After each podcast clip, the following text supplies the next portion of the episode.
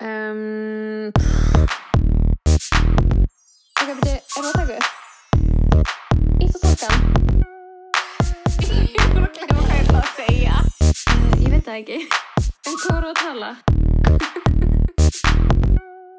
Þannig að ítt og takkan? Ok, aðteglisbrestur? Á lokastíð.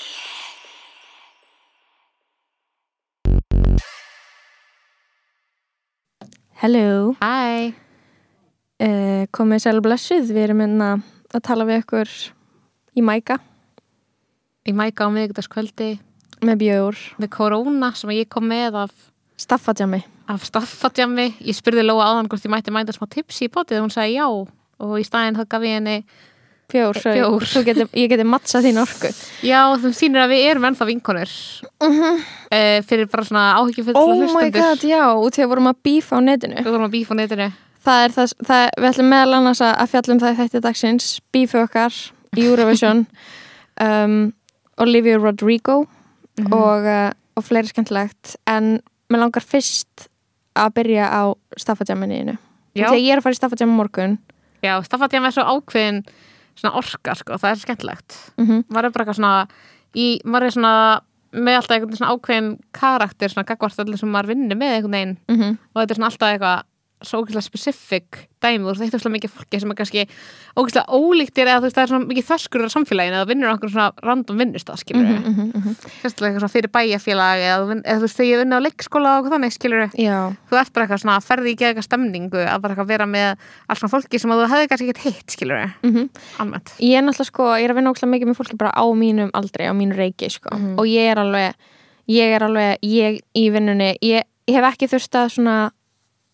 act mature, ég er alveg svona the workplace bully og eitthvað. Og ég er svona, Já, ég ég, er the það. workplace clown held ég. Og veistu hvað ég þarf að gera í mínu staffadjam morgun? Hvað? ég þarf að klætt eins og Joe Exotic. Ég valdi það ekki sjálf. Og bara mér til mikils ama. Er búin að redda jakka? Ég er búin að redda mér jakka ég er búin að redda mér hárkollu ég er búin að redda mér tígristýri og ég er mögulega að fara að redda mér svona BDSM collar svona hálsmáli til þess að vera eins og hann hann í, við náttúrulega horfðum alltaf á Joe Exotic. Já, já, Tiger King. Það er bara part of the culture núna sko. það er part of the culture og ég er bara svona ég var bara svona ready to leave it in 2020 skilur ég þarf eitthvað ég þarf að vera í einhverjum ratleikum morgun klætt eins og hann ég Oh er búin my að kaupa mér svona ljósa möllet en þú þurftir ekki sem betur vera publicly humiliated og Nei, ég þurfti ekki neitt að gera það. Það er bara grill og bjór og hérna, trúpador bara stránkæðaleg stemning sko. já, það er alltaf það er alltaf eitthvað með trúbadóra það er alltaf eitthvað svona það- there's always some darkness. Það er darkness sko, í trúbadorum. Þeir eru, þú veist, hvernig komist þér á hann stað að vera trúbadorar? Þú veist, þú ert ekkit þú ert ekkit eitthvað tvítur og hugsa eitthvað ég ætla að vera trúbador veistu hver er trúbadór? Hver? og hver er grunninn trúbadór og verður alltaf bara trúbadór? Hver? Ingo Viðauguð Já, og hann er bara the mascot fyrir Já. það svolítið og hann er the, þú veist, the, hann er skilur erketýpan Já. og mér finnst það bara svona segja allt sem segja Segja um sem þarf. starfstjætt Ingo eitthvað sé trúbadorinn sko. já, matarsaga af mér. Ok, spennt. Mm -hmm. en uh, sástu myndina sem ég tweetaði? Dinner is served. Já, pasta og rósakál. Alveg hreint pasta. Og soði rósakál. Akkur svoðið um, það er góð spurning. Uh, það, er bara gerðist. það er þannig að það var, það frósið Já, og ég ok. nefndi ekki að afþýða það og steikja það. Já, þannig ég bara sauð það. Og ég nefndi ekki að sjóða og steikja það. Og því að þannig að ég ætla að gera pastasósu og því að sko ég eins og hlustendur ættu að vita þegar ættu að vera búin að ná því þá var ég áskrifandi af lífrænu grammiti frá Íslands Food Co ekki lengur? Herri, ég er búin að segja henni upp út af því að þetta er ekki lengur að henda lífstilinu mínum. Ég er ógeðslega fein, ég held að það var aldrei henda lístilinir Þetta gerði það í svona einn mánuð þegar það var COVID og ég var alltaf heima. Um, Þannig að ég gaf mömmu kassan í senstu viku að við erum í, tökum að þrjú eins og hlustundur ætti líka að vita. Og ég bara hafa ekki tíma til að elda á kvöldin. Já. og þannig að og svo í kvöld þá er ég ekki búin að fara í búð á ekki grammiti mitt og mentaði kvöldmatt og ég bara eitthvað fer inn í ískáp tek þú veist veist, sem voru bara þrýr svona svona þrý svona grænir einhvern veginn svona þetta er ekki paprikur þetta er ekki pipar þetta er eitthvað svona þetta kallast samt eitthvað peppers. Mm -hmm. og þetta er ekki spicy. Það og eitt tómat og ég bara eitthvað ég hendi í pastasósu og síð pasta með þessu. Og ég bara eitthvað krytti þetta du, du, du, og ég bara eitthvað, svo, teki, svo smakka ég. Og þá var þetta óætt. Og þegar ég setti geðið mikið papriku krytti sem var chili krydd ég las ekki utan á. Ég bara, Oh þetta er rauða God. kryddið mitt, þetta er papriku krydd Þa, þannig að þessuna endaði ég með þú veist sósulust pasta og svoði rósakóli kvöldmatt og ég er bara að koma frá þeim stað. Mér finnst þetta bara svo að hluta einhverjum skrifnum dæjett sem að væri tísku. Já, en þú veist, pasta er aldrei á neinum diet, sko. Máli er að rósakál, ég heyrði því fleikt að rósakál hefði verið verra einu sinni, að það hefði verið rægt til að verða ekki gott. Já, ok, og vegna myndi allir eftir því svona rósakál í andrisblöðum var alltaf eitthvað svona ógeðslega matur sem er til eitthvað svona einhverjum rósakál er bara gross og svona öll börn hata rósakál. Já, já, já, öll börn hattar rósakál Já, Og, hérna, og ég heyrði að það væri bara svona því það væri búið að genetically breyta róskala en það væri betra bræðið og þess æði mm -hmm. en ég náttúrulega kryddaði ekki neitt og ég bara borðaði þetta og þú veist, og ég var eitthvað milliði bara alltaf lægi með þetta. Og þegar ég er að spá ég að byrja í nýjum matræði Ok ég er að spá ég að byrja bara að borða bara eitthvað vond grammiti og bara, þú veist, og þegar ég er bara eitthvað ég er bara alltaf að borða eitthvað óholt. Og ég var eitthvað svona vá, þetta er bara, og þegar ég er 28 ára ég var eitthvað svona þetta er bara the rest of my life nefnir ég gera eitthvað í því. Já, skilur mig, að vera alltaf eitthvað að borða pítsu og liða ekki illa og eitthvað, skilur vera með í maganum og Mhm. vera með þúsund bólur eins og ég með. Þannig ég var eitthvað, nú ger ég eitthvað í þessu. Og uh, ég tók þessu ákvörun og ég var eitthvað svona veist, kannski er bara búin að vera eitthvað svona fundamental miskilingur í gangi hjá mér sem er eitthvað svona ég er alltaf að vera trýta mig og alltaf að liða vel já kannski ætti ég bara að liða illa oftar Já, ég er smá samlega þessu. Ég er að pæla í að þessu líka. að það ekki? Jú, bara borða vond græmiti. Já, bara eitthvað svona vera, vera alltaf eitthvað svona er það kvöldmatur í kvöld það er ekki að fara að vera eitthvað næs það er bara að fara að vera óslega mikið næringu Já. og bara eitthvað, ok Mér líður svo það sé svona lífið hjá gaurum sem lifta mikið. já, ég held að ég þarf að fara meira inn í það mindset, skilur við Mm -hmm. og ég ætla jafnvel að byrja að fasta aftur þó að það Ah, sé atna, Ádröskun. þó að það sé ádröskun Þó að þú hefði dæmt það sem ádröskun fyrir nokkrum þáttum var tilbúin til að byrja fasta. já, ég var eitthvað svona þú veist, ég var eitthvað, hvað er að versta sem getur gerst Mm, bara smá ádröskun Fengið ádröskun. já, Og verið svöng það er að versta sem getur gerst í lífinu, sko. já, ég er bara eitthvað svona ég, mér langar markmið mitt er að verða oftar svöng Ok. en þetta er alltaf lagi út af því að ég ætla bara í staðin í harða neyslu á nikotíni og uh, eitthvað þannig Já, live a little. live a little, Ég live a er sko little komin niður í einspuntalift sem að ég er taka slag mörg lift á dag en þeir eru bara eitt punktur. Þannig að mér Mhm. líður þess að ég sé making progress. mm -hmm. finnur hver er status á svona nikotínfíkninni þinni Sko, því meira sem ég er stressuð og eitthvað, því bara meira er ég bara að taka svo mikið af lift að ég, mér er óglætt í strætó, skilur hvað já, meina? Já, já, ok Það er ákveðið væp. ertu stressuð þess að dana? Ég var eitthvað svona pínu stressuð, eitthvað svona vinnustressuð í, þú veist, dag og í gær og núna er það bara búið Mhm. og þannig að ég er tilbúin til að byrja eftir heilbreiðan lífstíl, skilur Mm -hmm. því að stressa þetta helst í hendur, helst í hendur, Ven, sko. vinna og stress Mhm. og óheilbrið lífstíl they go hand in hand sko Já, ég var líka bara hvernig endar þetta, skilur að því að maður er eitthvað svona, á, ég geti lifað ógslag heilbreiðu lífi ef ég ætti einhver pening til þess. þetta endar lífstíls sjúkdómi Já, en í rauninni, þú veist áttu meiri pening eða þú veist ekki að vinna ógeðslega mikið, skilur í okkar tilfelli að því að við enginn er að gefa okkur eitthvað almennilega pening fyrir að vinna lítið, skilur mm -mm. og, einna, og þá í staðin eftir bara ekki að eyða peninginu neitt út af því að þú hefur ekki tíma til þess Mm -hmm. og þú ert ekki að borða halla mat og þú ert ekki að fátæk að fara út að hlaupa út af því að það kostar ekki neitt og inn að borða vondagrammitið og krónni. Eða vinna mikið, minna ágjur af peningum en þú ert mjög alltaf þriðdast tilbúð já, já, þetta eru það tvær, þetta er einhvern veginn tvær, tvær leiðir sko, tvær leiðir sem við höfum í dag sko. já, mér langar sko það er svo margir hluti sem mig langar að gera núna sem kostar pening sem er sko, mér langar klippingu og mér langar í nýföt.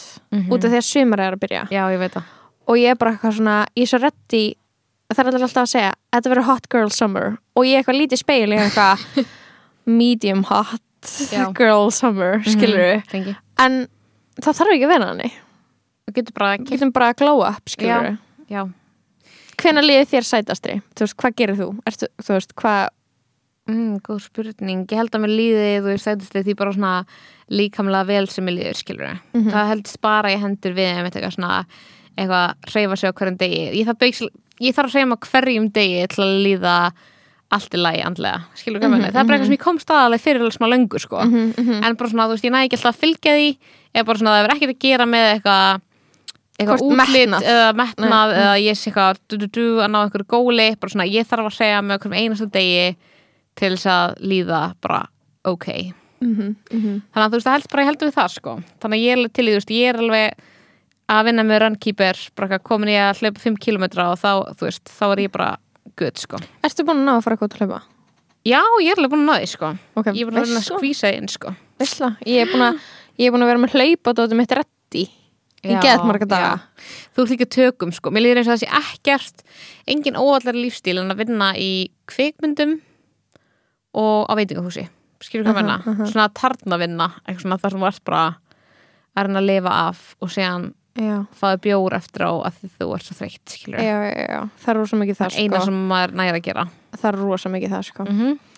en uh, ok, ef að tala um þetta bíf já hvað er að byrja? ok, sko, máli er að það er mjög langt síðan við erum alveg lengi búin að vera ósamlega með daggagnamagni mm -hmm. og ég fylgdist ekki með Eurovision fórkendunum Nei. ég bara mætti í fjórða lægi inn í Eurovision party í fjölskyldinu minni já. með eitthvað hárkollu reddi til að finnst þetta ekkert skemmtilegt. Já, þú komst inn með svona neikvægt að því út Já, bara mjög neikvætt. Ég bara svona, þú veist, ég var bara ég var bara ógeisla neikvæð ok, fun vibe fjölskylduna. væp fyrir fjölskylduna mína. Uh, ég, ég, hjálp, heppin eiga þig. Ég er svona internalisaði allt en setti þessi inn á netið Já, einmitt, þú svona sagðir ekkert við þau. Þú vilt ekki spoila gamninni fyrir litla frænguðina svona, þú bara, Nákvæmlega. ok, ég, ég kann alveg mynda það en þegar að þú sendir mér að Daði hefði verið low energy Ég setti það í Close Friends. Í Close Friends. Að ég, að ég lesa, lesa hvað ég sagði. Já, lestu hvað það sagðir, Sko- þú myndir særa mig ógislega mikið, en já, Þannig að förum bara inn í þetta skiluru bara ég vil bara tryggja það aftur. Já. Þannig að þarna var atriði nýbúið. Mm og uh, Íslendingar um all land voru að fagna. En Og það hvað sem, það sem ég setti í story sorry, sorry en Daði var giving me nothing í þessu atriði. Giving you Eh, nothing að klára. Energy was too low. Hello, var ekki hægt að gefa hann með orkudrykk og gýra hans upp eða, gýra hann aðeins upp eða. Þetta er það sem ég Þannig sett að story. sást þú í mestu low energy lífsitins að setja close friends með bleika hárköllu Og það sem þú segir við þessu mm -hmm. er veitu, oh my god hvað við spilum mikið. Mm -hmm. oh my god, ó ég þarf að skrolla svo langt upp. Oh þú segir er svo nálægt ég að unfollowa þig. Mm -hmm. og það segir Salka, þessi performance var so low in energy. Þú segir ósamala og ég segi, jafnvel þú getur séð það. Jafnvel ég. Þá, What is það, supposed það, meint, það meinti ég sko sem bara loyal fan. Já, þá ættir að geta séð að þetta var ekki doing much. Og þú segir, og þetta var líka æfing það var ekkert svona orka frá áhörundum sem sökka náttúrulega, þau getur tapa á því en þetta var samt geggju æfing sem betur fer. Og svo jákvæð ég. Og ég er bara, Jákvæð.is Stan, það er ekki magna og svo eitthvað svona með við hérna auðvitað læra orkustig en á final night þá er allir bara með mestu orkuna. Og ég er eitthvað, það er bara hans náttúrulega orka sem er lág. Aðrir í grúppinu voru giving me more. Og þú segir, mér finnst þetta óþæram neikvæðni mömmu líka. Já, mamma, mamma sagði ég að ætti að hætta með útasáttum með þér út af þessu. Já, og ég sendi eitthvað inn með örgulega með Ítalíu eða eitthvað og þú segir, við erum ekki lengur vinkonur ég skilði ekki. Já, þú helst með Ítali mm, segja, Þú varst bara, ég held með Ítali sko, að segja jú, ok, en sko, það var alveg, það var Overstatement. Það var overstatement, sko. Að segja, þetta var meira svona þannig að ég leiti upp og ég var eitthvað, heyrðu, þetta er æði. Og svo unnir, það var eina atriði sem ég leit upp á og var eitthvað svona Upp úr tímanum ég Já, ég, ég, orku. ég leit upp á síman og ég var eitthvað Þetta er æði. Og, þó, og þeir unnu og ég var eitthvað ég veit bara hvað er gott skilur ég bara veit.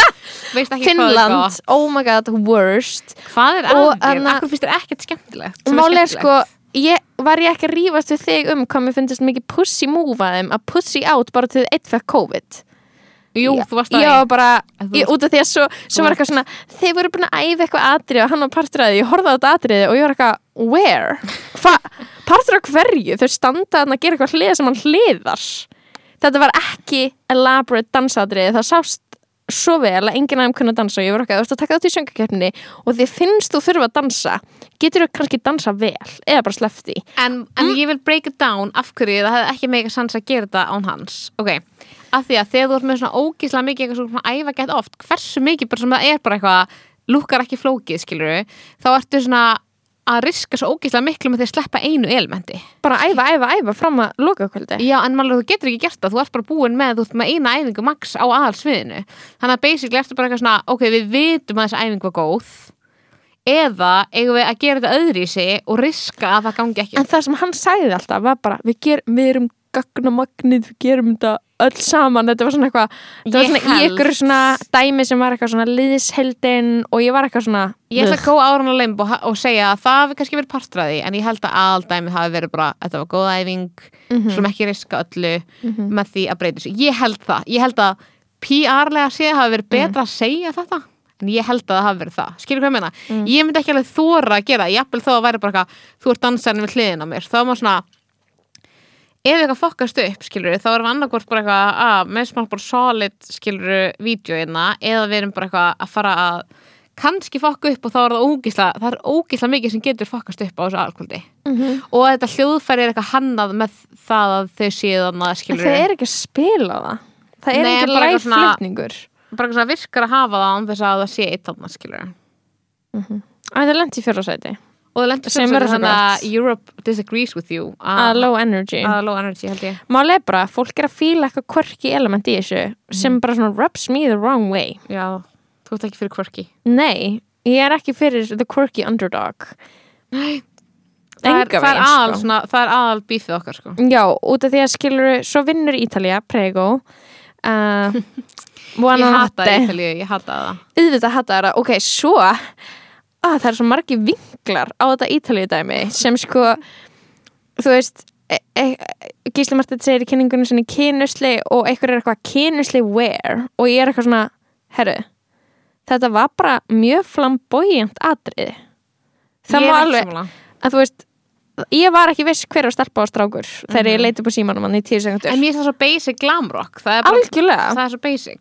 En svo það er svo líka. voru öll bara mjög sæt Eurovision er kynusli og það og sem, annað algjörlega og það sem ég skilur aðna, það sem hann alltaf skilur virkar á mig ég er alltaf gríðalega yfirbórskend mm -hmm. og ég dæmi allt út frá útliti. Það er satt. Þannig að bara það að fly, flytjandinn flytjandunir voru allir eitthvað svona hot og sætir. Já. Þá var ég bara eitthvað, þetta er æði. Þau voru hot en mér varst þau svona null sjarmurandi eins og ég búin að sjá óslega mikið að TikToks þar sem að fólk er eitthvað að að slefa og simpa yfir þessum aðalgaur og mér er bara sé myndir af hann ég er bara þetta er flott mynd en hann er ekki að gefa mig neitt. Mm. skilur þau? Já, og svo hérna tvíta þú hvað þú finnir til með þeir sem fengu 0 og 3 stig. Og ég bara eitthvað svona þú veist ekki hvað ég glattist mikið. Og það var ekkert því að mér varst atriðið er eitthvað sökka og til mér varst bara mjög margt eitthvað ekkert frábært skilur og svo sé ég að eitthvað fær 0 stig og ég er eitthvað þetta er gott TV gott á Ah. þá og þú ert bara að senda mér eitthvað TikTok það sem að, hvað er þessi gaur, hann er hann að Þískigurinn eitthvað. Po- ég heiti Jari, ég heiti ég, fekk zero points. Var það UK Ég ekki góð lög og hann var bókstæðlega með eitthvað þýskan segjum að tala ennsku við erum algjör dúll og ég var aldrei vorkendar meira, hann var eitthvað kannski því þetta, ég á að gera betri lög í framtíðinni, ég tek því bara fagnandi. Og ég var bara, ok, En- þú er svo rosa dúlla sem ég veit. En ertu að skoða það af hverju þú hann að ferð inn í það að skilur vorkina þeim svona mikið og elska það svona mikið? Þeir eru bókstæla mestu lúsirar þessa kvölds. En var, fannst þetta ekki savage hvernig það var? Fannst þetta ekki savage þegar eina, hann var búin að fá núlstig frá breskigurinn og búin að fá núlstig frá dominandinni og svo er það eitthvað sjáum hvað hann fekk mikið frá almenningi og hann gerir svona einn, hann gerir svona með hendinni, svona puttan upp loft eitt stig, er að djóka og svo bara null. Og það er bara svona mest heartbreaking dót sem ég sé það í minni oh, Mér finnst það svo geggjað. Oh, Þú elskar það, mér leiði svo illa. Ég, Ég ég get ekki horft á klón. Skilur meira. það, ég get ekki horft á eitthvað svona öllum gengur illa dót en, og svona eitthvað fail videos. Þú veist, þannig líði mér? En ég máli er að ég er ekki ykkur stan af svona gaur sem er eitthvað breskur James Newman og því að síðan fann ég hann á TikTok og hann er að gera Cringe. umverlegustu TikTok sem ég séð. Mhm. og bara eitthvað svona oi, bara svona cringe umverlegur hérna bresku gaur, skilur Mhm, þannig að ég var ekki, ok, ég held minna með honum. Held gæðu þetta mikið með þýskurnum sem gæti ekki sagt neitt í þessu TikTok á þess að með þýskast að hreim í heiminum. Mhm. og var bara að vera eitthvað ég bjóð til lag fyrir ári og ég var líka eitthvað svona, hann var að segja hvernig ferli var þegar hann var að fara í þýskukeppna Mhm. og hann var eitthvað hann var eitthvað, ég samt þetta lag fyrir eitthvað tveimur árum og síðan eitthvað bjóði til vídeo fyrir það sjálfur og er eitthvað svona sína frá því og svona eitthvað, svo var ég beðin um að eitthvað, svo sendi ég þarna inn lagið og það var valið til að fara í Eurovision og ég var eitthvað hvernig er þetta ferli og af hverju er það ekki þannig að þú ert bara að semja nýtt lag fyrir þetta? Heldur er þetta bara að finna einhverja random þú veist, Þískaland er alveg meðfælt tónlistafólki sem er alveg frækt og eitthvað skilur ég, ég var bara eitthvað svona fi- fyndið þennan random YouTube-guður og verður bara verðt þú Mhm. framlag Þískaland til Eurovision, það sýnir hvað þessi lönd er ekki með metna fyrir því sem þau eru að gera Mhm. og samt er Þískaland og Bretland og þessi lönd er að borga sig óslega mikið inn í kemna og ég skil alveg að eins og óslega mikið einhvern bretum eitthvað tvít eitthvað við ætlum að hætta í þessari keppni við borgum svona svona svona mikið fyrir að vera í þessari keppni á hverju ári spörum humiliated. og verum alltaf humiliated og ég var eitthvað, ok, þið eru humiliated ekki þetta pólitíka, þið eru ömulega lög og þið skiljið ekki væpið, Eurovision Mhm. en ég skil alveg að þið þú veist, fattar þið, ég skil Já, það ég var bara mhm. eitthvað þar er legit að þú viljir ekki að Bretland sé að borga margar miljónir punta eða eitthvað á áriðin í Eurovision, skilur þið Mhm. Til þess að tapa til þess að tapa, ég skil Alltaf. það alveg Já, um, sko ég vil aðeins tala við, rock, um, við rockarna núti þegar fólk er eitthvað að segja að þú veist Ítalja og því að fólk var alltaf að bera saman Ítalja og Finnland. Já. og vera eitthvað svona Finnland er meira rock við erum be be betra heldur en þetta. Og ég var eitthvað svona sorry. En það eitthvað sé meira rock eða meira authentic eitthvað svona rock orka gets you nowhere í Eurovision. Þú veist, og bara með allar tónlistastefnur, mm Mhm. skilur það, það er eitthvað neginn, það, var, það er alltaf skilur glesrockið glamið og þarna bara mainstream rock skilur já, eða bara eitthvað svona eða eitthvað svona eitthvað orka skilur frekar, þú veist, ég minnur svo Lordi var alveg, ég veit ekki hvort, þú veist, eitthvað svona alvöru, eitthvað svona metalhausar myndi ekki vera eitthvað Nei, já, algjörlega en það er út af því að það voru búningar og Mhm. sjó skilur þannig að þú veist, það er aldrei eitthvað svona eitthvað spurningum þú veist, á, þetta var svo mikil old heads pæling eitthvað neginn Mhm. og ég náttúrulega skilur myndi ekki geta þekkt ítalska júrósanlegið eða það er spilað. Það sem var gott lag var lagið. Geðveikt. Rosalega skemmtilegt lag. Mhm. ég væri bara til að hlusta það. Og ve- veistu hvað er líka svolítið skemmtilegt og því ég fór síðan í sumabústa daginn eftir með áttara barni og fjara og þau vildi alltaf hlusta á Matahari. Það er geðveikt, ok, andjóð, hvað getur við verið sammála. Er að Mata ég var slegin Hari. minnur um Mata Hari og úkrænska og grænska já. en mér fannst. Justice for Mata Hari, sko. Hérna getum við verið vinnir Já, og við bara, getum algjörlega fundið common ground og þetta ætti fólk á netinu sem er að engagea einhverju discourse sína milli að taka til fyrirmyndar. Við getum verið Matahari Ég get hótað að unfollowa Lóu og hún getur sendt mér eitthvað out of spite á hún haldi með Ítalíu, skilur veistu hvað? Veistu hvað? Það bara fucking hveti mig áfram þegar fólk er pyrrað á mér sko. Þá, lang, þá gengi bara lengra. Mm þannig að þú veist, ég er bara þannig að ef einhver er bara eitthvað, oh my god, bara hatar það sem ég er að segja, það er bara Ég bara þóla ekki þegar fólk er með skoðanir sem er ósamlega í Eurovision. Ég veit ekki okkur, ég bara þóla ekki. Mm -hmm. Fólk er þetta er skemmtilegt, ég bara nei þú ó, þú veist, óhrúst ógeð. Um, en þú veist ég er svona eitthvað, ég var að tala um eitthvað svona nokkur Instagram og voru alveg nokkur sem tóku undir með mér sko, út af því að ég held að sé bara svolítið svona þannig að þú ert dað á gagnumagnin fan Mhm. eða þetta er- þetta talar ekki til þín skilur og það er ekki það að eitthvað svona eitthvað, eitthvað, þú veist, ef það er þetta er eitthvað lag sem er spilakstar, að ég eitthvað grípum eirun og er eitthvað skilur, já. það er meira bara eitthvað svona hvort að maður, þetta er svo mikið svona spurningu um bara eitthvað svona sambandi sem maður mynda við eitthvað, eitthvað svona eitthvað tónlist uh, tón, eitthvað tónlistafólk. Að maður bara eitthvað svona fellur fyrir sjarman með það ekki. Já. og ég bara eitthvað svona var einhvern veginn datt aldrei á þessu lest skilur og þannig ég held að þú veist, þú sért bara að supporter eða ekki. Þannig að það voru alveg örfáir sem voru eitthvað ég er sammála, en ég held að við séum líka öll bara eitthvað bara með mótþróa þrjóskuröskun, skilur við Mhm. líka. Líka, einhverju upp að einhverju marki sko. En sko, mér finnst þetta líka smá svona snúast um, þú veist, hvað maður vill út í Eurovision, af því að eitthvað svona daðu gagnamagnið er ekki eitthvað sem ég myndi vera eitthvað, eitthvað ég er ekki að setja það á eitthvað fónin persónulega, skilur Mhm. en svona, hvað lagi maður fá út úr þessari keppni, skilur nema þeirra ásti skilur með nákvæmlega, en þú veist, bara svona þú veist, ég vil bara að einhver fari sem skilur hvað Eurovision snýst um og mér staðið fyrir skilja skilur hvað ég meina, bara svona hann er að búa til eitthvað svona atriði og hann er að búa til einhver svona persónu og hann er að búa til eitthvað svona dót sem að þú veist er eitthvað svona present eitthvað fyndið og eitthvað svona eitthvað specific fyrir hennar hóp þannig að það muni eftir og þannig að það sé eitthvað svona eitthvað hjarta í því sem er smá lúðalegt. Og mér er það náð því gett vel. Ég vil ekkert eitthvað upp á hljómsveitinu mín á Íslandi fara í Eurovision. Skilur hvað ég meina? Ég vil ekki flóni fyrir Eurovision. Nei, þú veist ekki eitthvað svona oh, Sendum Danís. Mér finnst óþólandi þegar eitthvað fólk er eitthvað svona eitthvað, þetta er allt svo lélegt eitthvað í Eurovision, ég er bara eitthvað þetta fólk er bara að reyna að fara inn í einhverja mest camp keppni sem er til. Algjörlega. Bara svona, við erum ekki að fara eins og pældi hvað myndi ganga illa við myndum að senda vindsalt út á Íslandi eitthvað, við myndum senda herra netusmjör myndi ganga jafn illa á þessu norska lagi. Veit ekki, hvað hva ef við myndum senda bríð já, það myndi ganga allt í lagi. það myndi ganga allt í lagi, það myndi ekki ganga það vel. við höfum alveg gert þetta Já, verður að vera, en það var Það svo hún er power svo mikið power sko. Að ég bara, ég bara eitthvað að hugsa skilur með svona að þú veist það sem að þegar ég horfi á keppninar sem ég hef ekki gert ja, religiously ég er náttúrulega ég bara ég ætla bara lega mér að tala sem ekki Eurovision expert um Eurovision. Mhm. svona sem manneskjöld í bæ. Þegar að koma lög sem eru hæg og það er bara að vera að syngja um eitthvað og þú veist, það kannski, það er ekki stert viðlag. Matahari. Þú veist, ándjós, Eurovision lög þú veist, þau virka best. Það er ándjós bara eitthvað svona basically ein setning. Svona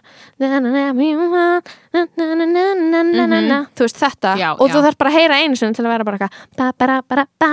Mhm. en, en ekki þegar það er skilur verið að syngja syng, reyna að syngja sig inn í sálðina já, og þetta er oft konur, stundum kallar í jakkafutum what is up with that uh, þú veist, eins og svistanska lagið Mhm. boring Mhm. og það eru í ykkur svona kjól sem er eitthvað svona smá tískuslis Mhm. always Mhm. og þetta er bara eitthvað svona þetta virkar ekki þegar þú ert á 15. læginu já, og þú kemur inn bara og ert eitthvað ég er að syngja bara frá hjartanu og maður er eitthvað ok uh, ok, skilur kannski, bara kannski það verður að vera það geðvikt skilur já, það, það þarf að vera bara ógeðslega gott svona lag. Bara að vera fucking gott svona lag. Bara eins og eitthvað að Gelland frá var það ekki eitthvað Serbíi eða eitthvað svona Mólitva sem var eitthvað vann Mólitva sem var bara svona bara geggjuballa skilur mm -hmm. var eitthvað svona lesbíi frá Serbíi að syngja skilur mm -hmm. af því það var geðvikt en ef það er anything less than geðvikt þá ertu bara að fara að vera eitthvað ok. Ég held sko að franska lagið væri að fara að vera boring. Og svo var hún bara vola, vola og hún Já, náði já, þessu hún með bara þessu. eitt orð. Mm vola, og þá getur maður verið eitthvað svona vola, vola Já, það er satt sko, en ég elska bara þetta format á keppni, bara eitthvað bara allir að koma með atriði pælingin. Mér finnst það bara svo geðveik pæling. Þetta er bara eitthvað, eins og að vera kvöldvöku algjörlega, þetta er bara kvöldvaka fyrir Evrópu. Já, svo mikið. Já, við erum að atri á morgun í svo staffátjami þar sem ég er Joe Exotic. Og ég er bara eitthvað ég er bara eitthvað ég er bara með tvær reglur í lífinu. Ég dansa ekki og ég synga ekki. Akkur þurfti ég að vera 28 ára til þess að fatta? Þetta er út af því ég fór í fucking listaháskólan mm að ég þurfti að útskrifast byðið nokkur ár. Þannig að ég get bara svona confidently sagt og þýðir ekki að ég sé a lesser person ég get ekki dansað og sungið. Mhm. bara ég get það ekki, bara ef þú vilt sjá eitthvað flott ekki byggja mig um að gera þessa tvo hluti. Ef þú vilt ef þú vilt skilur finna til með einhverjum Mhm. þá getur þú kannski beðið mig um að gera þú veist, ég er bara, ég er Beyoncé dansum ég hef verið í söng áfanga í allavega ég tók íslensk erðagreiningprófi ég er ekki með tón eða takteira skilur og ég er bara eitthvað svona ég var eitthvað, það meikar svo mikið sens. Þetta er eins og ímyndaður að vera að reyna að lesa bók og svo allt í hennar er, er eitthvað sem er bara eitthvað þú ert lesblind. Og þú ert alltaf eitthvað, já þess vegna er þetta svona miklu erfiðara fyrir mig heldur en alltaf aðra. Já, já, já, og ég er bara eitthvað ég skal bara gera allt annað. En líka þú veist Það er, maður ánáttúrulega að vera bara eitthvað í listarsklingnum að bara eitthvað gera eitthvað bull sem er ógstlega lélegur í til að fatta maður sér lélegur í. Já, þú veist, en það er bara svo erfitt skilur maður er eitthvað með í námi og árgangur um hans eru leikarar og dansarar og leikarar eru allir söngvarar líka þeir syngja allir, ógislega Mhm. vel. Og dansararnir, þú veist, þó þeir séu alltaf bara í ykkur floorwork að hampast á gólfinu og fleia sér eitthvað þá er það, samt líka allar lært ykkur að geða eitthvað dansa og dansa Já, og geta vel skilur mig, og ég er eitthvað ég er alltaf eitthvað, ég get þetta ekki. Ég er ekki góð sviðslistamanniska en uh, þú getur verið með uppistand og verið funny og verið eitthvað. Já, ég get, ég get eitthvað svona skilur, tala fyrir svona fólk bara ekki beða mig um að syngja. Þannig ég ætla ekki að syngja á morgun. Ég Hvað ætlar að gera? ætlar að leika? ætla að vera bara með smá smá dæmi sem ég var að búa til sem er bara þeng, sem kemur bara ljós. Mm. fyrir það sem mæta á, eða, á í ratleik kringlumýrar á morgun. Já, living fyrir uh, staffadjum og ég er náttúrulega ekki búin að djama ókslega lengi þannig ég er sjúklega til í þetta. Gett ætla þú að djama um helgina? Uh, ég veit ekki, ég er svona búin að ringla þessa viku út af því að það var eitthvað löng helgi og ég skil ekki hvað er í gangi. Ég, Það voru svona átján dagar Já. þessi helgi. Ég skil ekki neitt sko, þannig ég bara er aftur að koma helgi pínu konfjúst Já, ég fekk, náðu veist, þetta var það mikið frí en að fá veginn heila þóku Já. Og bara svona gleyma hver ég er. Mm en já, might I might sko. I might. uh, uh, það er uh, það er eitt sko dæmi sem er að fyrir nokkrum þáttum þá, voru við, þá var ég eitthvað svona varpa oi, var liturinn einhvern veginn svona farin af. Það að varpa fram þessari spurningu sko, við vorum með Arina Grandi og svo vorum við með Dua Lipa þú veist en hver er 2021? Veit, þú erst með tilbúð Já, ég er með tilbúð sem ég, ég fekk samt frá Kötu. Mm -hmm. öllu sem er hlust á þetta ræs hún bara, er það ekki Olivia Rodrigo? Og ég var eitthvað of course, já. auðvitað. Mm -hmm. og hún er gellan sem allir eru búin að vera að tala um. Og hún er búin að vera að gera lögin sem eru bara mest spiluð, bara Já. driver's license. Og svo Good For You og þarna hitlaðið sem ég man ekki hvað heitir núna. Og hún gaf hérna út bara, ætlaði sig ekki það var alveg í þessari viku þarna plötu sem heitir Sour. Mm -hmm. og ég er búin að vera að hlusta. Já, svo sagt aðalægi hennar, þú veist, fyrsta lægi sem allir eru bara að hlusta á er Driver's License. Gott ef það, er það nokkuð? Það getur ekki verið fyrsta lægi sem hún gefur út. Jú, var svona debut single já, skilurðu. ok, og hún svo, já, svo er það Deja Vu. Do you get Deja Vu?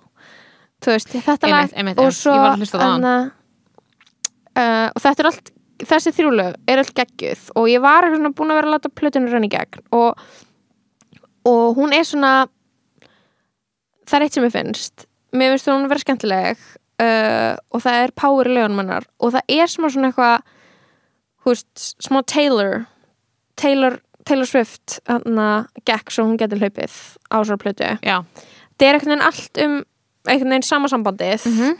og eitthvað break-up og bara svona um, svona fara inn í þessar tilfinningar eitthvað svona að vera smá bara betur að eitthvað hafa hætt með þér og bara svona Já. skilja það ekki. Og mér finnst það relatable fyrir svona þú veist, þegar maður var úlingur og maður var með einhverjum og svo hætti maður saman og hann var komið eitthvað aðra kæristu og maður bara eitthvað bara eitthvað þú veist, og svo einhvern veginn eh, það bara einhvern veginn partur af lífinu þegar maður verður hans eldri. En það er svo súrt þegar það gerist í fyrsta skipti mm -hmm.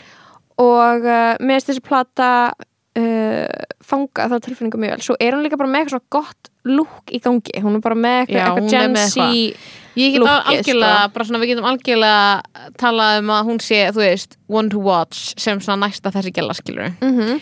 en líka bara því að það er svo geggja ég elska að fara inn í eitthvað svona unglingatólis sem er bara að tala um eitthvað sem í unglingatilfinningar og vera bara eitthvað að líða eins og mér líð, líði þannig skilur Mhm. Ég meina, já, bara svona bara sem að að láta líða- í smá eins og kærist minn hafi verið að hætta með mér og byrja með einhverju gæli sem ég veist sætar en ég og vera bara, og svo er þetta, it's a bop skilur it's a þetta er góð lög. Uh, til ég en ætli, ok, pæling. Mhm. þegar að djammið, að- þú veist verður komið í gangi í sumar. Mhm. segjum að það verði búið að leifa eitthvað að sé opið til þrjú eða eitthvað. Mhm. og það er allir byrjað að mæta og dansa og eitthvað. Ætli þú veist, allir þessi lög sem að við fengum ekki að eiga á djamminu verði, þú veist, muni eig- eignast líf þá skilur já, það er spurning sko. Ég meina, bara eitthvað, Rain on Me Lady Gaga Arena Grande fyrir mér er sko djamlægið já, já. En ég meina, þú veist, Wet as Pussy Semi? Ég held að WAP verði spilað. Mhm. ég held að þú getur ekki haldið partí í dag án þess að setja á WAP eins og niður Nei, og þarna og þú veist þessi bara þessi TikTok lög, þú Lil það Nas verður X, Montero, Montero. verður og líka Levitating með Dua Lipa já, Up með Cardi B mm og, og líka Peaches. I got my peaches out in Georgia. Og, Mhm. og þú veist Úkrænska júruvísulegið Ukrainska júruvíslega daðu gagnamagnið um, já ég held alveg að þessi, þessi lög muni, muni vera spiluð sko. Mm en já um, með svo fyndið og því vorum, við höfum talað um þetta áður og með svona aðeins verið eitthvað svona fór eitthvað svona aðeins að staða eitthvað á Twitter eitthvað svona þegar að fólk var að simpa yfir ítalska görnum út er 0-0 model. Já, og ég er bara eitthvað svona ég er bara eitthvað þetta pyrra mig. Þetta pyrra mig að maður þurfa að vera úlingur til þess að fíla eitthvað sem úlinga gera. Já, já, ég er, ég, það, ég er aftur þar, ég var eitthvað svona hann er 0-0 model og hérna Olivia Rodrigo er 0-3 model og maður er eitthvað svona 0-0 model er 21 árs Já. það er bara fullur af manneska bara I hate to break it to you Mhm. en það er 21 árs manneska sem er með agency og uh, bara, þú veist, með fullt í gangi og Mhm. ekki þú veist ekki batnaperrið ítalski söngurinn heitur Já, og þarna En er þetta ekki bara eitthvað svona risaltaði að vera eitthvað svona að það sem við sjáum á Twitter er svona ákveðin aldur svona það sem við sjáum mest af skilur Þannig að það er eitthvað svona smá eitthvað svona ógeðslega hárödd á Twitter stundum. Eitthvað svona, oh, feeling old. Og maður er eitthvað svona, æ, þú veist, er það sant skilur já, fólk þarf að hætta að segja feeling old. Já.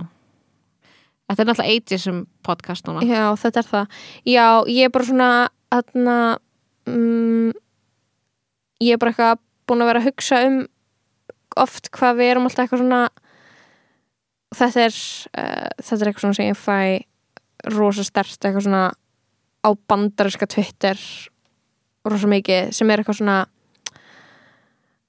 þú veist það sem er verið að tala um eitthvað svona aldurspil og bara eitthvað út af að það er eitthvað svona statutory rape í bandaríkjunum það að vera þetta gamall og svo við hjá okkur sem er þetta gamall, ég held að sé átján ég held að sé 15 mm -hmm. og ég held að skilur ég held ándur þess að sé eitthvað þannig úr átján ára og sé við okkur um undir átján ára Já, já, það er þannig og það er svo öfgakent og það er líka svo einhvern veginn algjörlega einhvern veginn úr takt við eitthvað svona evróska menningu sem er Mhm. eitthvað svona fólk sem er 18 ára deytar eitthvað sem er 16 ára mm -hmm. any day og 19 ára fólk deytar 16 ára fólk og þú veist eitthvað svona og ég er alltaf eitthvað svona mér finnst einhvern veginn að við, við vorum einhvern veginn að opna samtali á þú veist grooming og að þú veist það er groom eitthvað sem því bara þú byrjar að það er basically bara þú byrjar að tala við eitthvað þegar hann er of ungur fyrir þig til þess að þið getið deyta þegar að Mhm. hann er orðin nóg gaman til þess að þið megið deyta og þarna og sé orðið löglegt. Og og eitthvað svona að manipulata eða þú veist að vera með eitthvað barnagirnd. Og ég er eitthvað svona, mér finnst bara svo ógeðslega fucking hæpið fyrir allavega frá mínum bætum séð að tala um þetta í samhenginu þegar allir eru tvítur eða 21 og mannskjöndar eru bara eitthvað fjórum árum yngri skilur og þetta er Já. allt einhvern veginn þetta er bara svona sami aldur og út í þetta er svo allt annað þegar þú ert þrítur og manneskjan er En mér finnst klálega að tæft að vera eitthvað 16 ára þetta eitthvað 20 finnst þið það? Já, Mér, finn, 100% mér, að mér finnst það nefnilega ekki. Mér finnst það, mér finnst það svona auðvitað er, það er eitthvað svona power dynamics og eitthvað þroskamunur. En þú getur, þú getur samt ekki sagt mér að þú, þú, þarna, þú getur verið 25 ára og deyta annan 25 ára gaur og hann er bara þú ert bara miles ahead skilur í þroska mm við þessa mannesku og já, ég er svona eitthvað En mér Mér- finnst, mér mann því finnst það bara eitthvað- ég man svo mikið eftir þegar ég var tvítug og ég myndi eftir þegar að ég, þú veist, maður ekki var bara að tala eitthvað um busi og manneskja sem er útskrifast dæmið? Eða ertu að tala um manneskja sem er útskrifast og manneskja sem er að klára tíundabæk? mannskja sem er busi og mannskja sem er, þú veist, einmitt útskrifið úr mennskóla út af því að þú veist og tíndabæk finnst mér verra, skilur en ég er bara svona að fatta eitthvað svona já, það er pínu weird. Já, þá man ég hvað mér fannst weird ef ég hefði verið að deyta það er Mhm. fucked up, sko. Þegar maður er tvítur, núna er það að hugsa um þetta sem eitthvað svona fjögur ára mun en þegar maður er tvítur þá er maður eitthvað, ó það hefði verið ógíslega weird, skilur að því maður er bara svo ógíslega óþroskaður á þessi tímubili svo leiður orðið eitthvað átján mér sem leiður orðið eitthvað svona átján, nítján og 22, þá er það bara orðið öðru sig En þú veist, en er þroski, þú veist, svona skilir þið eitthvað svona sem þú þarfst að uppfylla til þess að geta að vera partur af sambandi?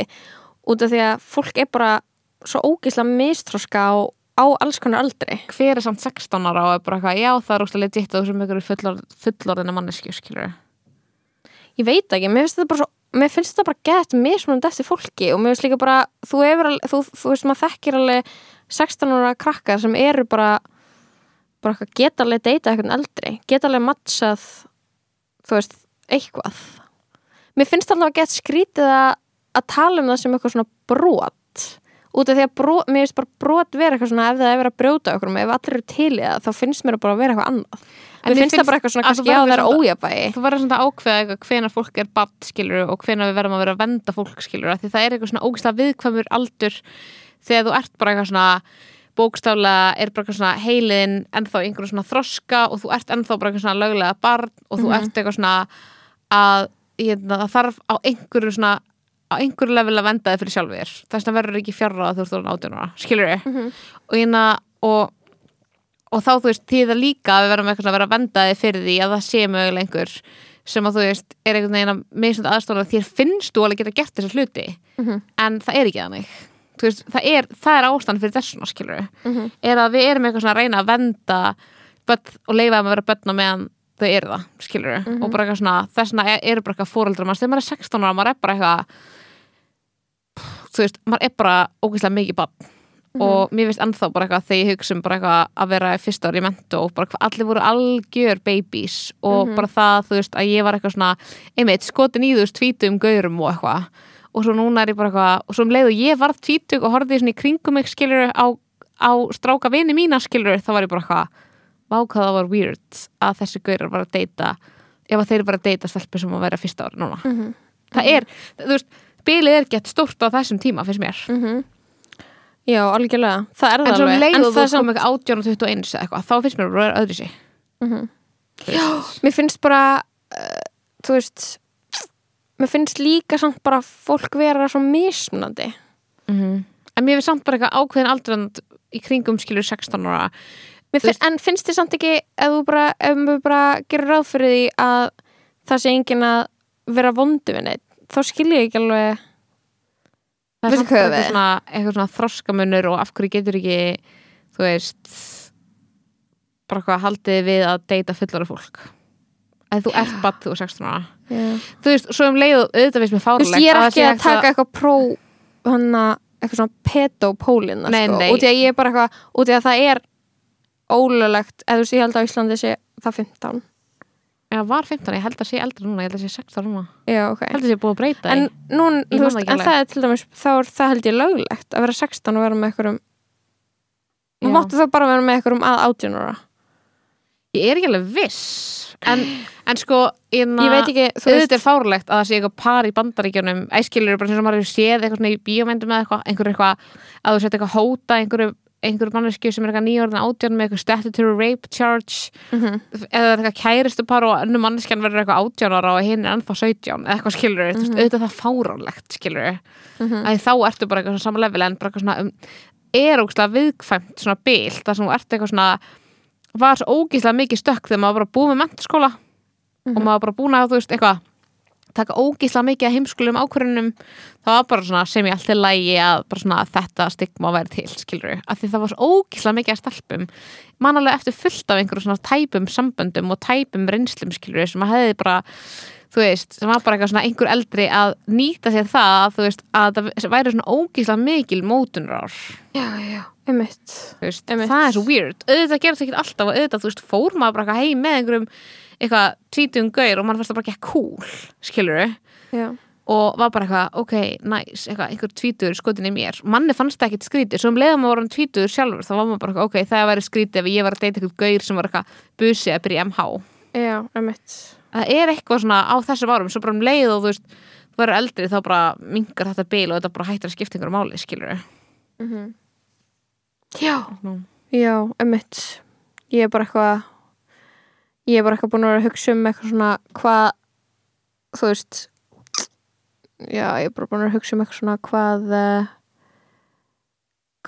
hvort þetta stigma sé þú veist eitthvað, hvort það sé ekki smá persónabundið skilur, hvernig þetta fer mm -hmm. hvernig svona sambund eru en að það er svo mikið ekki. mar- í mörgum öðrum hlutum líka skilur oft Mhm. og þú veist og ég held að við séum svona smá ofta eitthvað svona að gera ráð fyrir því að stelpur þroskist svo hratt og þú veist þær eru alltaf aðeins undan stelpum nei strákum Mhm. á þessum aldrei í þroska Mhm. en á einhverju öðru leveli þá eru þær ógislega bara svona viðkvæmar fyrir út af því að við erum alltaf bara að trýta þær eins og sé bara eitthvað fullanar, skilur við og þá við sem við erum svona að taka frá þú veist, frá einhverju svona eitthvað fólki á þessum aldri að bara svona venda aðeins skilur við að það er svo ógislega mikið af einhverju svona skrítnu dóti sem gerist þessum árum. Að því maður er bara eitthvað, ég er fullorðinn maður er bara eitthvað 16 ára, maður er bara eitthvað mér finnst bara gett gott að við séum bara eitthvað svona smá ég er bara 100% bara eitthvað tvítug, tvítugsaldur sem áfengisaldur er flott. Samt veit ég alveg að krakkar er að fara drekka fyrr, eða skilur hvað ég meina? Samt er ég bara eitthvað, það er flott að við séum bara eitthvað búin að ákveða að þú ættir ekki að vera að því fyrir og eitthvað svona, við erum að taka marka aðgengi og bara svona, smá bara svona þar skilur við, bara svona, að það er kannski bara fínt að við séum eitthvað, ok, þú veist það er off að deyta svona, þannig að þú sér kannski aðeins að koma í vekk fyrir öll þessi skiptið sem þetta gæti verið bara ógisla toxic ójafni Já, ég náttúrulega skilur ég er svo mikið ekki með eitthvað minn eigin reynslu heim til þess að þú veist, vísa í skilur þegar ég deyta engan með eitthvað aldursmun fyrir en að ég var eldri en tvítug. Mm -hmm. Ég var bara með eitthvað um jafnaldra eða skilur og svo mér, varst mjög erfitt þú veist þegar það var eitthvað svona geðt mikið aldursmunur í sambandi þegar, og þá var ég orðin tvítug. En svo það líka var, út af því að það eru önnur líka mjög sterk mótunar ár já, og maður áalega meira eða þú veist, ég, út í að ég held skilur og kannski er ég búin að vera að taka ógeislega seðlega svona erfiðan pól og fullt af fólki kannski pyrraðu sem ég var að segja því meðist einhvern veginn þú eiga meira sammeilegt ef þau eru ennþá bæði að mæta mentaskóla böl heldur en ef þú ert nýbúri mentaskóla og þú ert að mæta staffadjum í fyrirtækinu sem þú vinnur hjá. Já, Veist, já, það verður svona það verður svona annað eitthvað svona mjög ólíkt líf líka. Mhm, algjörlega. En þú veist, það er náttúrulega bara alltaf slemt ef þú ert með power og status til þess að maður neipileita. Mhm. En þú veist, og ég held að sé bara svo algengt í bara aðra áttina ég held að sé líka bara því bara svona, þegar við erum að tala um þetta þá er ekki eins og að hafi verið eitthvað margir strákar e, í eitthvað svona sem ég man ekki eftir þegar ég var í MH þú veist ég átti ókslega mikið að strákavinum. Enginn þeirra var að deyta ykkur tvítu að gælu miklu frekar hitt skilur já. fattur hvað ég meina, bara svona þá er ég strax eitthvað svona smá suspicious. Hins vegar alveg, gerðist alveg að þú veist bara eitthvað að það voru eitthvað stelpur eitthvað átjánur að deyta kannski gauðra sem voru alveg bara slatta eldri og eru kannski bara ennþá saman í dag. Skilur Já, og bara eitthvað fæn auðvitað, en þú veist svona yfir það heila er ég bara eitthvað úff, þú veist, það voru fullt af einhverjum sketchy típum að bara svona vomba yfir einhverjum 16 ára stelpum. Skilur einhverjum típur sem voru eitthvað að djama kaffibardum að skilur hvað ég menna Mm -hmm. og maður er eitthvað Vá, þú, þú varst ekki með eitthvað hólsom í hyggju þar, þú varst bara með eitthvað eitthvað sem að jaðraði við að vera einhver barnagind, af því þú vildir bara reyna við stelpur sem voru 16 ára. En við búum samt líka til svo mikið svona um, veist, þetta er svona smá svona eitthvað impossible kultúr sem við búum í þegar á sama tíma og heitustu gælunar og mesta æskudyrkunin, þú veist, er bara bara gælan sem er, þú veist 17-18 ára. Mm -hmm. þú veist, er fræðasta popstjarnan og, þú veist, alls skvísan og bara eitthvað, allt svona eitthvað í fari, stelpna á þessum aldri bara að vera skilur orðna kynþróska en samt svona ennþá skinny út af því að þú veist, það er ennþá bara svona bara svona sínu fyrsta stíi skiluru, Einmitt. ekki þú veist, ekki ekki búið að hæga brennslinu og ekki búið að eignast börn þú veist, við erum svona glorif, þú veist, þetta er bara Já, svona, já, já. þú veist, þetta er bara the peak skilur af bara hotness fyrir gælur en svo einhvern veginn, þú veist þannig að við búum í skiluru barnagirndar kultúr skiluru og en, en á sama tíma þá svona er líka ógslag mikið shame ef þú Já. fílar þetta síðan. Mhm. eða þú veist, þú, þú átt að fíla þetta en þú veist, samt ekki. Þannig að þú veist, ég meina eins og þegar þetta ég horfði ekki á alla Epstein heimildamindina ég horfði Ég eitthvað smá, meikaði ekki. ég horfði eitthvað smá. Og ég var eitthvað mér finnst ótrúlegt auðvitað að vera fólk hissa þegar það kem, kem, kemst upp um eitthvað svona ílsku. Þú veist, að vera með stelpur í eitthvað svona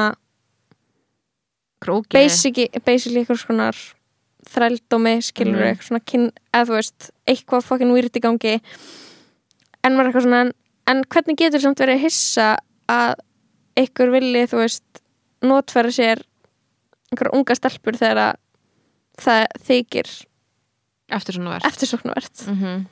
Einmitt. Þannig að sama tíma að maður var sjokkar þá var ég samt svona eitthvað já, mm ymmit, Þetta er eitthvað sem bara presenta fyrir okkur sem bara eitthvað Þetta er peak bara of your sexuality. Mhm, að þú veist, þú verður náttúrulega að gera eitthvað þú veist, get unga stelpur að kynverum og síðan, Mhm. og svo megið er ekki verið að heldur. Já, nákvæmlega. En það er líka, þú veist, þetta er samt alltaf eitthvað svona sömu aðilar, bara eitthvað sem er eitthvað að exploita að ég veit ekki bara eitthvað svona, Já. exploita þær og, og gera þær að þessum kynverum og svona þær báða ekkert um það, skilur mhm, og sömur, þú veist, langar að verða og sömur langar ekki að verða mhm, mhm, Skilurðu? mhm, mhm.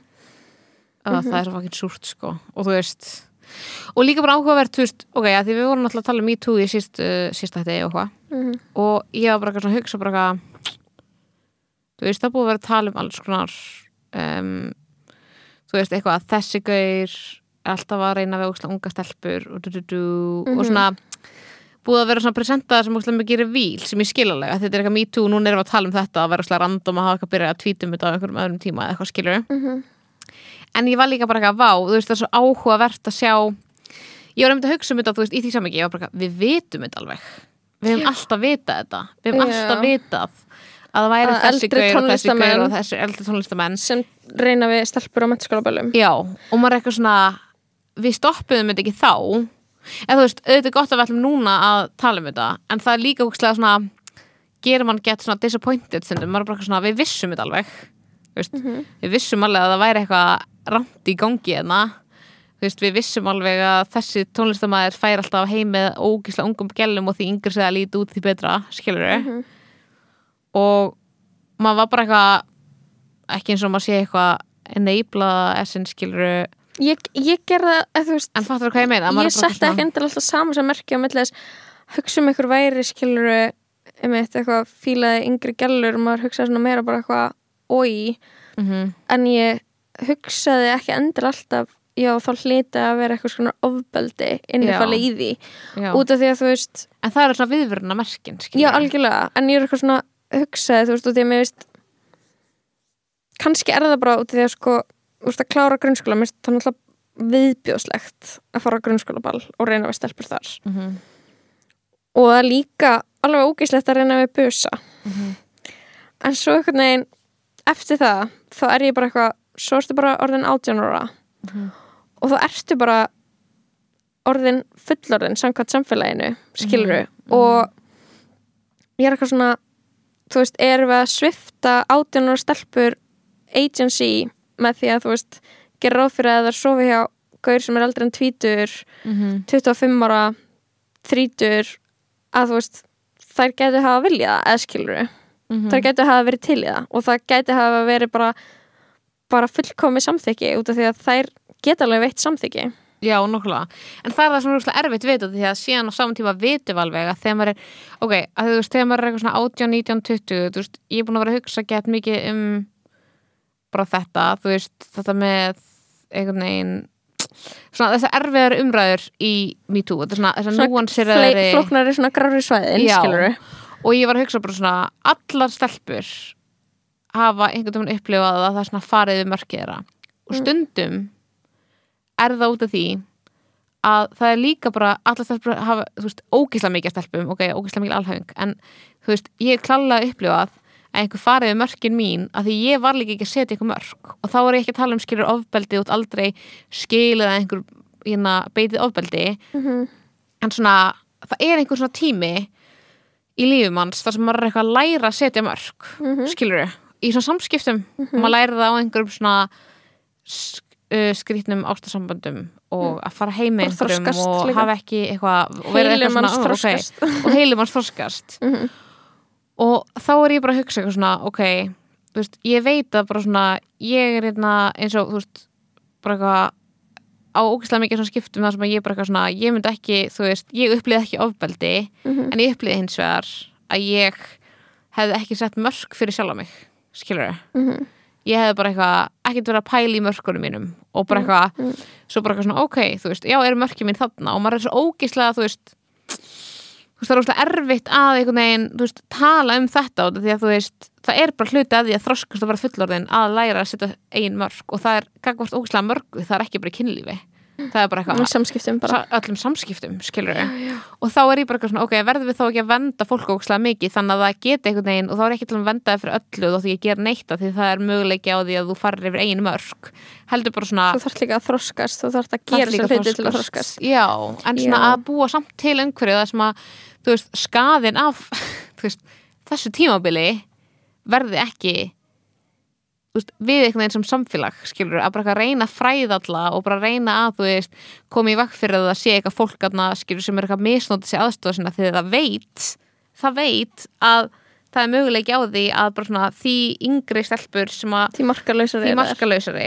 Er, þeir eru að leita því, ég er ekki, þú veist, fattar Mhm, það eru ykkur til ykkur svona predator aðna úti sem að gera það markvist skilur Mhm, og þá er ég bara eitthvað svona, ok, en hvað ætlum við þá að gera til þess að vernda Já. þú veist, það er ókslega góða punktur út í að þú getur ekki í, ekki í öllum tilfellum en svona í mörgum tilfellum þá getur ekki um, komið eins fram við 27 ára konu og 17 ára stelpu.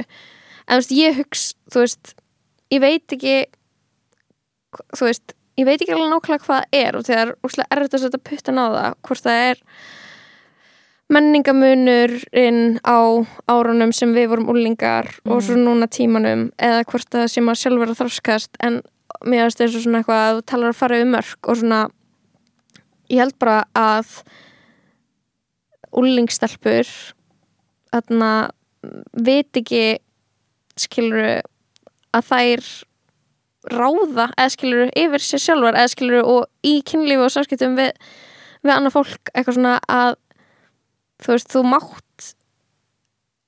sleppa því að gera eitthvað að þú fílar það ekki. Mm -hmm. og mér fannst þess að þegar maður er úlingur þá á maður svolítið mikið bara eitthvað ég veit ekki, þú veist, hvað ég á að fíla eða skilur hvað og eitthvað svona, og kannski og líka bara eitthvað svona, ef maður tala bara svona aðalega um djammið mm þá er maður bara gett ofta eitthvað svona já, þetta er bara eitthvað gett sveitt. Á það ekki bara vera þannig? Já, nákvæmlega þú veist, svo, svo mikið þessi tilfinning og það er eitthvað svona, það er því að kynfræslan sem maður fekk var svolítið mikið bara eitthvað þarna passaði að vera ekki ólétt. Einmitt. Og það var eitthvað neina, þú veist og eitthvað neina allt beyond that var eitthvað neina bara svo rosa trivial fyrir manni. Og líka skilur er eitthvað svona mjög nýlega það sem er eitthvað svona byrjað að tala um eitthvað svona fullnæðingar hvenna það er eitthvað svona eitt dæmi sem var að tala tala svolítið mikið um sem var svolítið svona eitthvað að konur ættu erfitt með að fá fullnæðingu sem er náttúrulega bara ekki sem satt er ekki satt sko. Nei. og þannig að ert eitthvað svona ef þú ert að sofa hjá gett mikið og þú farð eiginlega aldrei neitt út í kynlífinu Mhm. en þú ert með eitthvað svona eitthvað svona mýtu sem að enforsar það að það sé samt eðlilegt Mhm. að þú sért bara alltaf að sofa hjá okkur um aðeins að það sé gaman, Mhm. getur alveg verið gaman en svona ekki eins gaman það að vera þá ertu kannski bara eitthvað já þetta er náttúrulega bara svona þegar ég er stelpa og þá er kynlíf kannski aðeins verra fyrir mig þetta var svona geðvikt uh, svona mikil game changer fyrir mig sko Mhm. Já, að, bara eitthvað svona að vera eitthvað, já, þetta er veist, þetta meikar engan sens Mhm. En það, þú veist, það er nefnilega ó, þú veist svo mikið bara svona, þetta eru þetta er svona flækjustíð oft í þessari umræðu, skilur er að ég er eitthvað svona á sama tíma vil ég að þú veist eitthvað fólk virði mörg hvers annars í kynlífi en við verðum líka að læra að setja þau.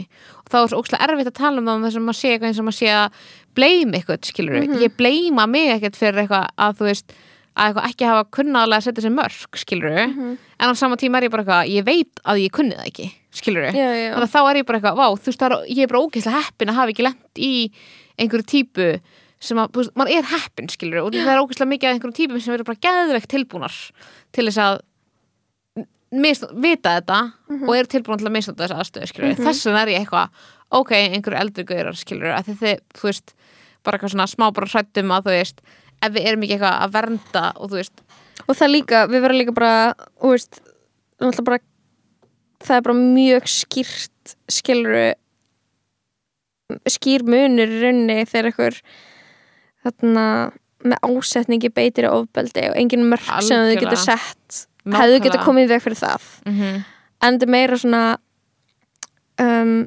mei, já, meira bara svona þetta, þetta gráa svæði þegar Mhm. þú ert eitthvað svona órugur og veist ekki alveg hvað átt að gera sem er allt annað heldur en bara þú veist bara, að bara það sem er í gangi er bara alls, alls, alls ekki það sem þú vilt Já, nákvæmlega og þú veist, og þá bara þú veist, og þá eru þín, þín viðbröð bara hafa ekkert með það að gera skilur Nei, nei, nei. bara þú veist bara, þú veist, hvað sem, bara þú gerir bara einhverju bara með einhvern ásetning að beita það ofbeldi skilur Mhm. og svo er líka, svo vitum við alveg að það er til þessi, þú veist, gráu svæðis og það er alveg valið ef að, þú veist, fólk upplifir ofbeldi í þeim aðstæðum, það er alveg valið það hefur alveg mikið, þú veist, upplifa ofbeldi en hins vegar, þú veist, kannski ásetningurinn þú veist, er kannski eitthvað svona meira á einhverju gráu svæði að þú ert meðúkslega mikið af, bara eitthvað, ég var að sjá þú veist, umræðum þetta á Twitter í dag skilur að það er ógislega mikið af ofbeldi sem að þú veist, fólk undir átjónara er beitt, þú veist, sem verður fyrir ofbeldi þú veist, þá er oft í 30% tilfelli er það að beita hvort er manneskja sem beitir því líka undir átjónara, skilur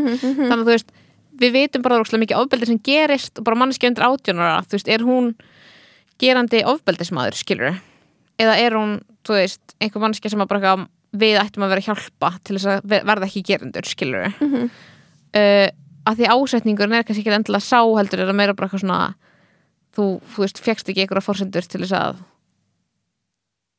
þú veist, virða mörg annara og setja mörg fyrir sjálfa þig, skilur mm -hmm. uh, þetta er svo depressing. Já. En þú veist En mér finnst þetta samt vera eitthvað svona Þetta er svona í svona pínu Þessu svona staðhæfinga Þetta staðhæfinga umræði veist, Þetta fittar ekki inn í hana. Nei, Út af því að Þú veist, það verður bara að vera svo skýrt Að bara eitthvað Þú veist, þólendur ofbeldis skilur bara hafa orðið fyrir ofbeldi og það er, þú veist, við bara, við trúum þeim og við stöndum með þeim, skilur það er fyrsta skrefið. Mm og svo verður við einhvern veginn að komast að rótin að því að hverju þetta er að gerast, -hmm. skilur já, nokkulega bara hvað í samfélaginu okkur er að gera það verkum að þetta gerist, skilur mm -hmm. þetta fór, we went there. Já, við erum líka báðar búnar með koronan eitthvað. Mm já um, já, þetta er svona það er já, það er ekki þetta er svona líka skrítin umræða til að taka á netinu út af því að þú veist maður er eitthvað svona er ekki að reyna að vera tím gerundur að neina liti, skilur við en en maður veit líka, maður veit samt líka maður verður bara að vita að ef maður er eitthvað þáttangandi í þessu samfélagi mm þá ber maður að einhver leiti líka ábyrð á því að gerendur hætti að, þú veist, að við hættum að búa bara til svona mikið gerendum. -hmm. sorry, skilur við Mm -hmm. bara að það sé til svona mikið af fólki sem er eitthvað beitt aðra ofbeldi þá er eitthvað að, skilur við það er eitthvað, það er eitthvað off þú veist, það er ekki bara eitthvað þú veist, bara eitthvað tíu vondar manneskjur að fæðast í Íslandi á dag, skilur við Já, nákvæmlega. Þú veist, það er eitthvað þarna frá því að þú ert eitthvað barn og þú ert algjörlega saklaus Mhm. bara eitthvað manneskja þannig að þú ert fullorðin. Eitthvað sem þið er kent eitthvað sem þeir eru kent, þú veist, það er eitthvað sem við erum að gera vittlust og við erum að komast að því hvað það er og breyta því, skilur Mhm. það er bara svona svolítið verkefni okkar ekki bara eitthvað að, þú veist, við erum ekki að henda öllum í í límverksmiða, skilur Nei, nákvæmlega Bara nokkrum. Bara, Bara mér. nokkrum. alveg nokkrum, Mér og þér og alveg nokkrum vel völdum sko. þínu viðhorfi á Eurovision kvöldinu. Ándjóks Ándjóks um, Já, ég er bara eitthvað að gett hugsi yfir þessu öllu út af því að ég líka bara svona finn að um, mér er svona ekki, eða þú veist, mér er svona erfitt að tala um gett mikið af þessum hlutum þegar að Æ, ég veit það ekki.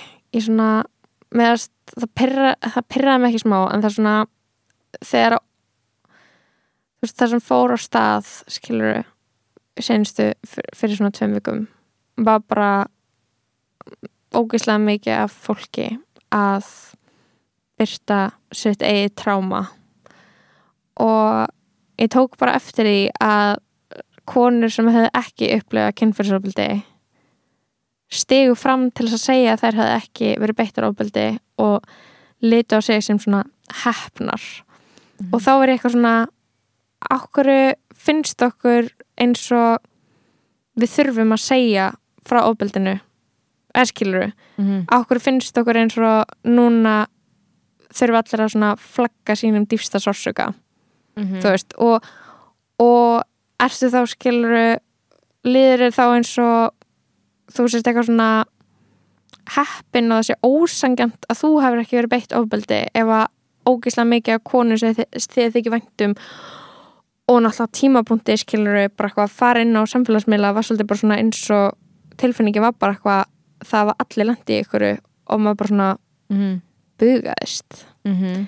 og bara þú veist, út af því að það voru, voru geð margir að segja sína sögu og ég var eitthvað, mér fannst þetta alveg smá sérstakt út af því að um, hvað statement er þetta eiginlega ég hef ekki verið beitt ofbeldi ég Mhm. lít á mig eða þú veist, ég maður er næstu ég er bara svona eitthvað svona, ég er bara eitthvað he heppin, eitthvað svona du-du-du og þá, Mhm. mér finnst það svona mér finnst eitthvað gett spes við þetta Mm -hmm. þú veist, og það er eitthvað í þessu sem ég finnst eitthvað gett skrítið út af því að Er það ekki bara eitthvað svona að á þessum tímabúndi þá er eitthvað svona allir að svona, eins og allir verði að segja eitthvað já, og mér finnst það bara gett stygt Já í, grunn, líka, sko. í grunninn sko, út af því að þú veist ekki, ógislega, já já, eitthvað, ekki allt sem þú hefur að segja er relevant. rosalega mikilvægt contribution, skilur við mm -hmm. og þarna, og ég vona bara skilur að allir sem eitthvað sögðu frá ofbeldinu sínu, kannski í fyrsta skipti og sögðu frá því ofnbarlega að þú veist, það hefði ykkur gripið þessar manneskjur, skilur við Já, og að þeim liði vel út af því að þú veist um, það er ekkert alltaf manni sjálfum fyrir bestu að segja Mhm. öllum frá sínum sársöka skilur við mm og bara eitthvað hvenar erum við líka bara að framlega eitthvað svona trauma porn skilur við Já, líka voru eitthvað svona auka tráma kannski við að opna þig um það. En þú veist, ég held samt kannski, þú veist, að það endur deg ef það er engin skömm sem fylgir að vera þólandi Mhm. þá skiptir þetta einhver máli og það er náttúrulega alltaf svona samfélag sem við erum verið að vinna að, þú veist, Mhm. að þú þú veist, getur verið bara eitthvað alveg mikið og getur verið eitthvað, ég lendi í bílslýsi, skilur við þá getur verið bara eitthvað, það væri ekki tráma í því en það er það náttúrulega því að það er ógustlega mikil skömm sem við erum búin að hlaða á fólk, Mhm. skilur við við erum búin að Mhm. hlaða svo mikið í, en, en hvað er, þú veist, hvað er samt ekki skömm og hvað er samt líka bara svona sársöki skilur við, eins og bara, Mhm. þú veist um, um, já, um daginn, þú veist, þegar ég fór eitthvað inn á Instagram og það var hann að átaki í gangi þar sem fólk var að deila hennar fósturláti Mhm. og það er ekki skömm já, skömm sem er fólkin í því að missa fóstur það er meira svona Mhm. áfallskiluru út af því að það var ekkert sem þú gerðir sem olliði, þú Mhm. veist bara ógeðslega ógeðslega óheppin Mhm. þú veist, og þetta er bara harmleikur og ég fer eitthvað inn og það er svona búið að setja látin fóstur inn á Instagram og þetta er svona ég veit þetta er gett dark en úst, þetta er bara eins og Chrissy Teigen skilur byrti myndirnar af þegar hún Mhm. misti Mhm. svon sinn og það var ljósmynd og eitthvað. Og ég var eitthvað svona um, það er hægt að þú veist vinna úr sársökanum sínum öðruvísi heldur en að setja hann á Instagram. Mhm.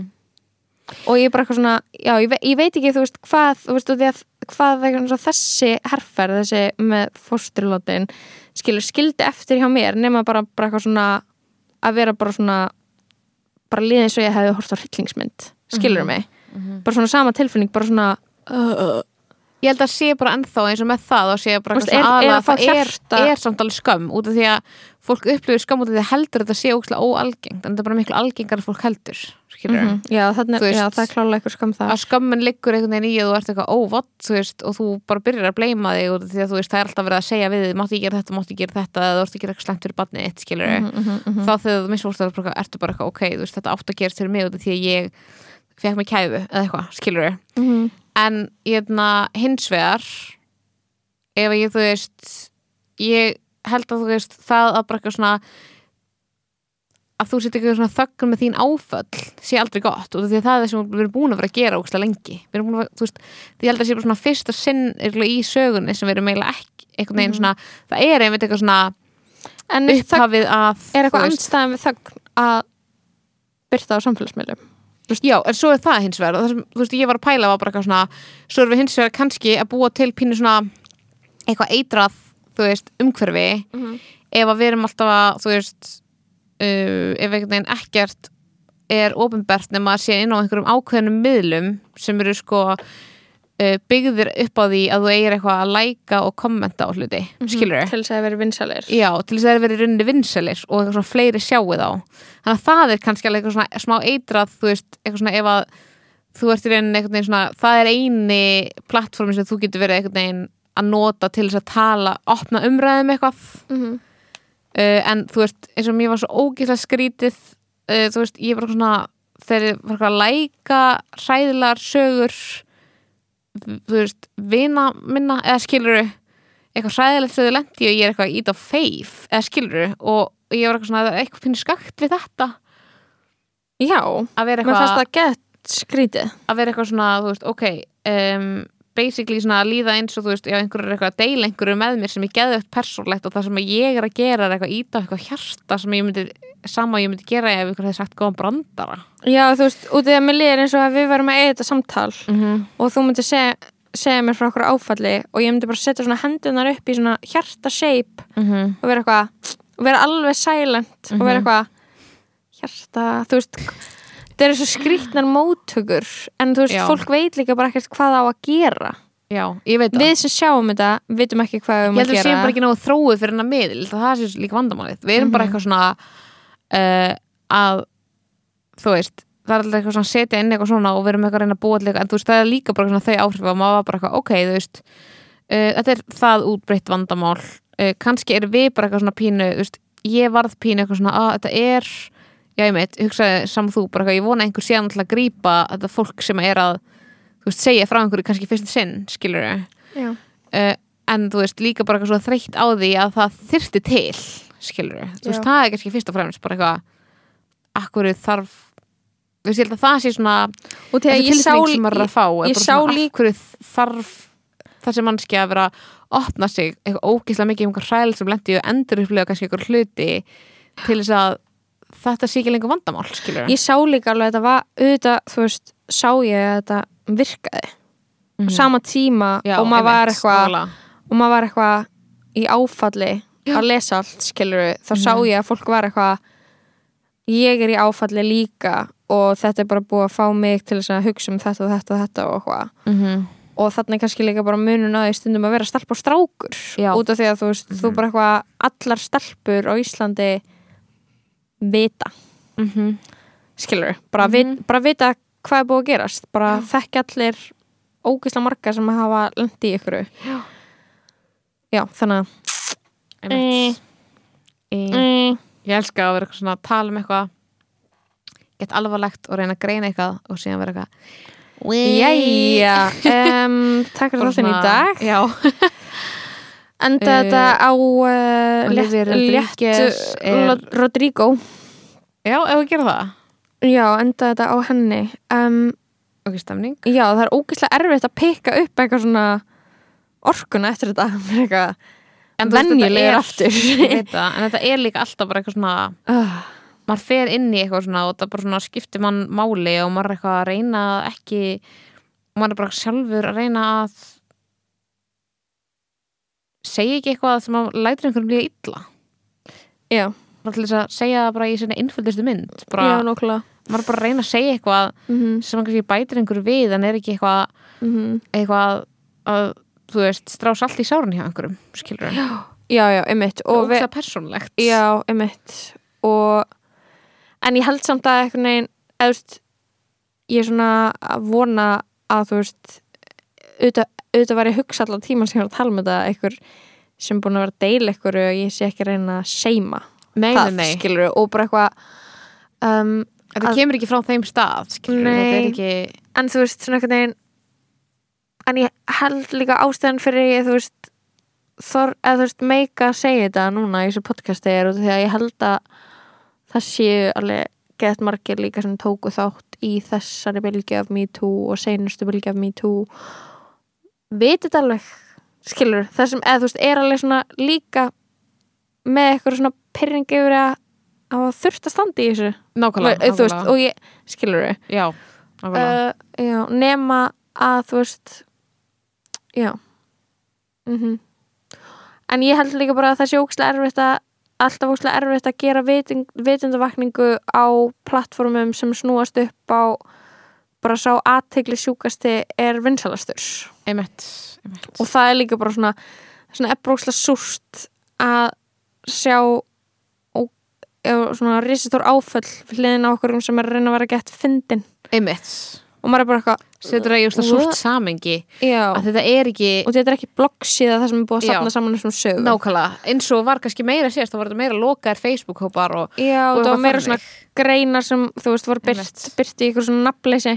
Já, og núna er maður einmitt já, þetta setur þetta í svo súrt samengi að, út af miðlunum sem þetta er á eins og þetta væri ekki náðu súrt fyrir þá er maður bara eitthvað uh, já, einmitt eitthvað fótbolti og þetta og manni finnst svona eins og það sé pínu svona get ekki alveg gert í skil og þú veist hvernig líka að gera því skil í einhverju miðli sem er bara eitthvað, segðu allt sem að er geggjað í 140 staðabilum skilur mm -hmm. og þú ert eitthvað að opna þig skilur, mm -hmm. en bara Já. nákvæmlega. Um, like og það. Like á það. Já, þarna, takk fyrir kvöldið. Takk fyrir þáttinn. Og uh, faru vel með þig.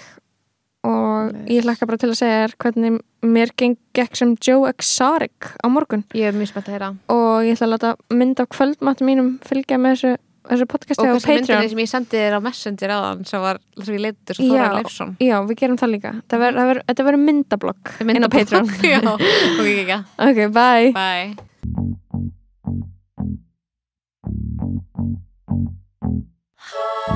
good for you, I guess you moved on really easily. You found a new girl and it only took a couple weeks. Remember when you said that you wanted to give me the world?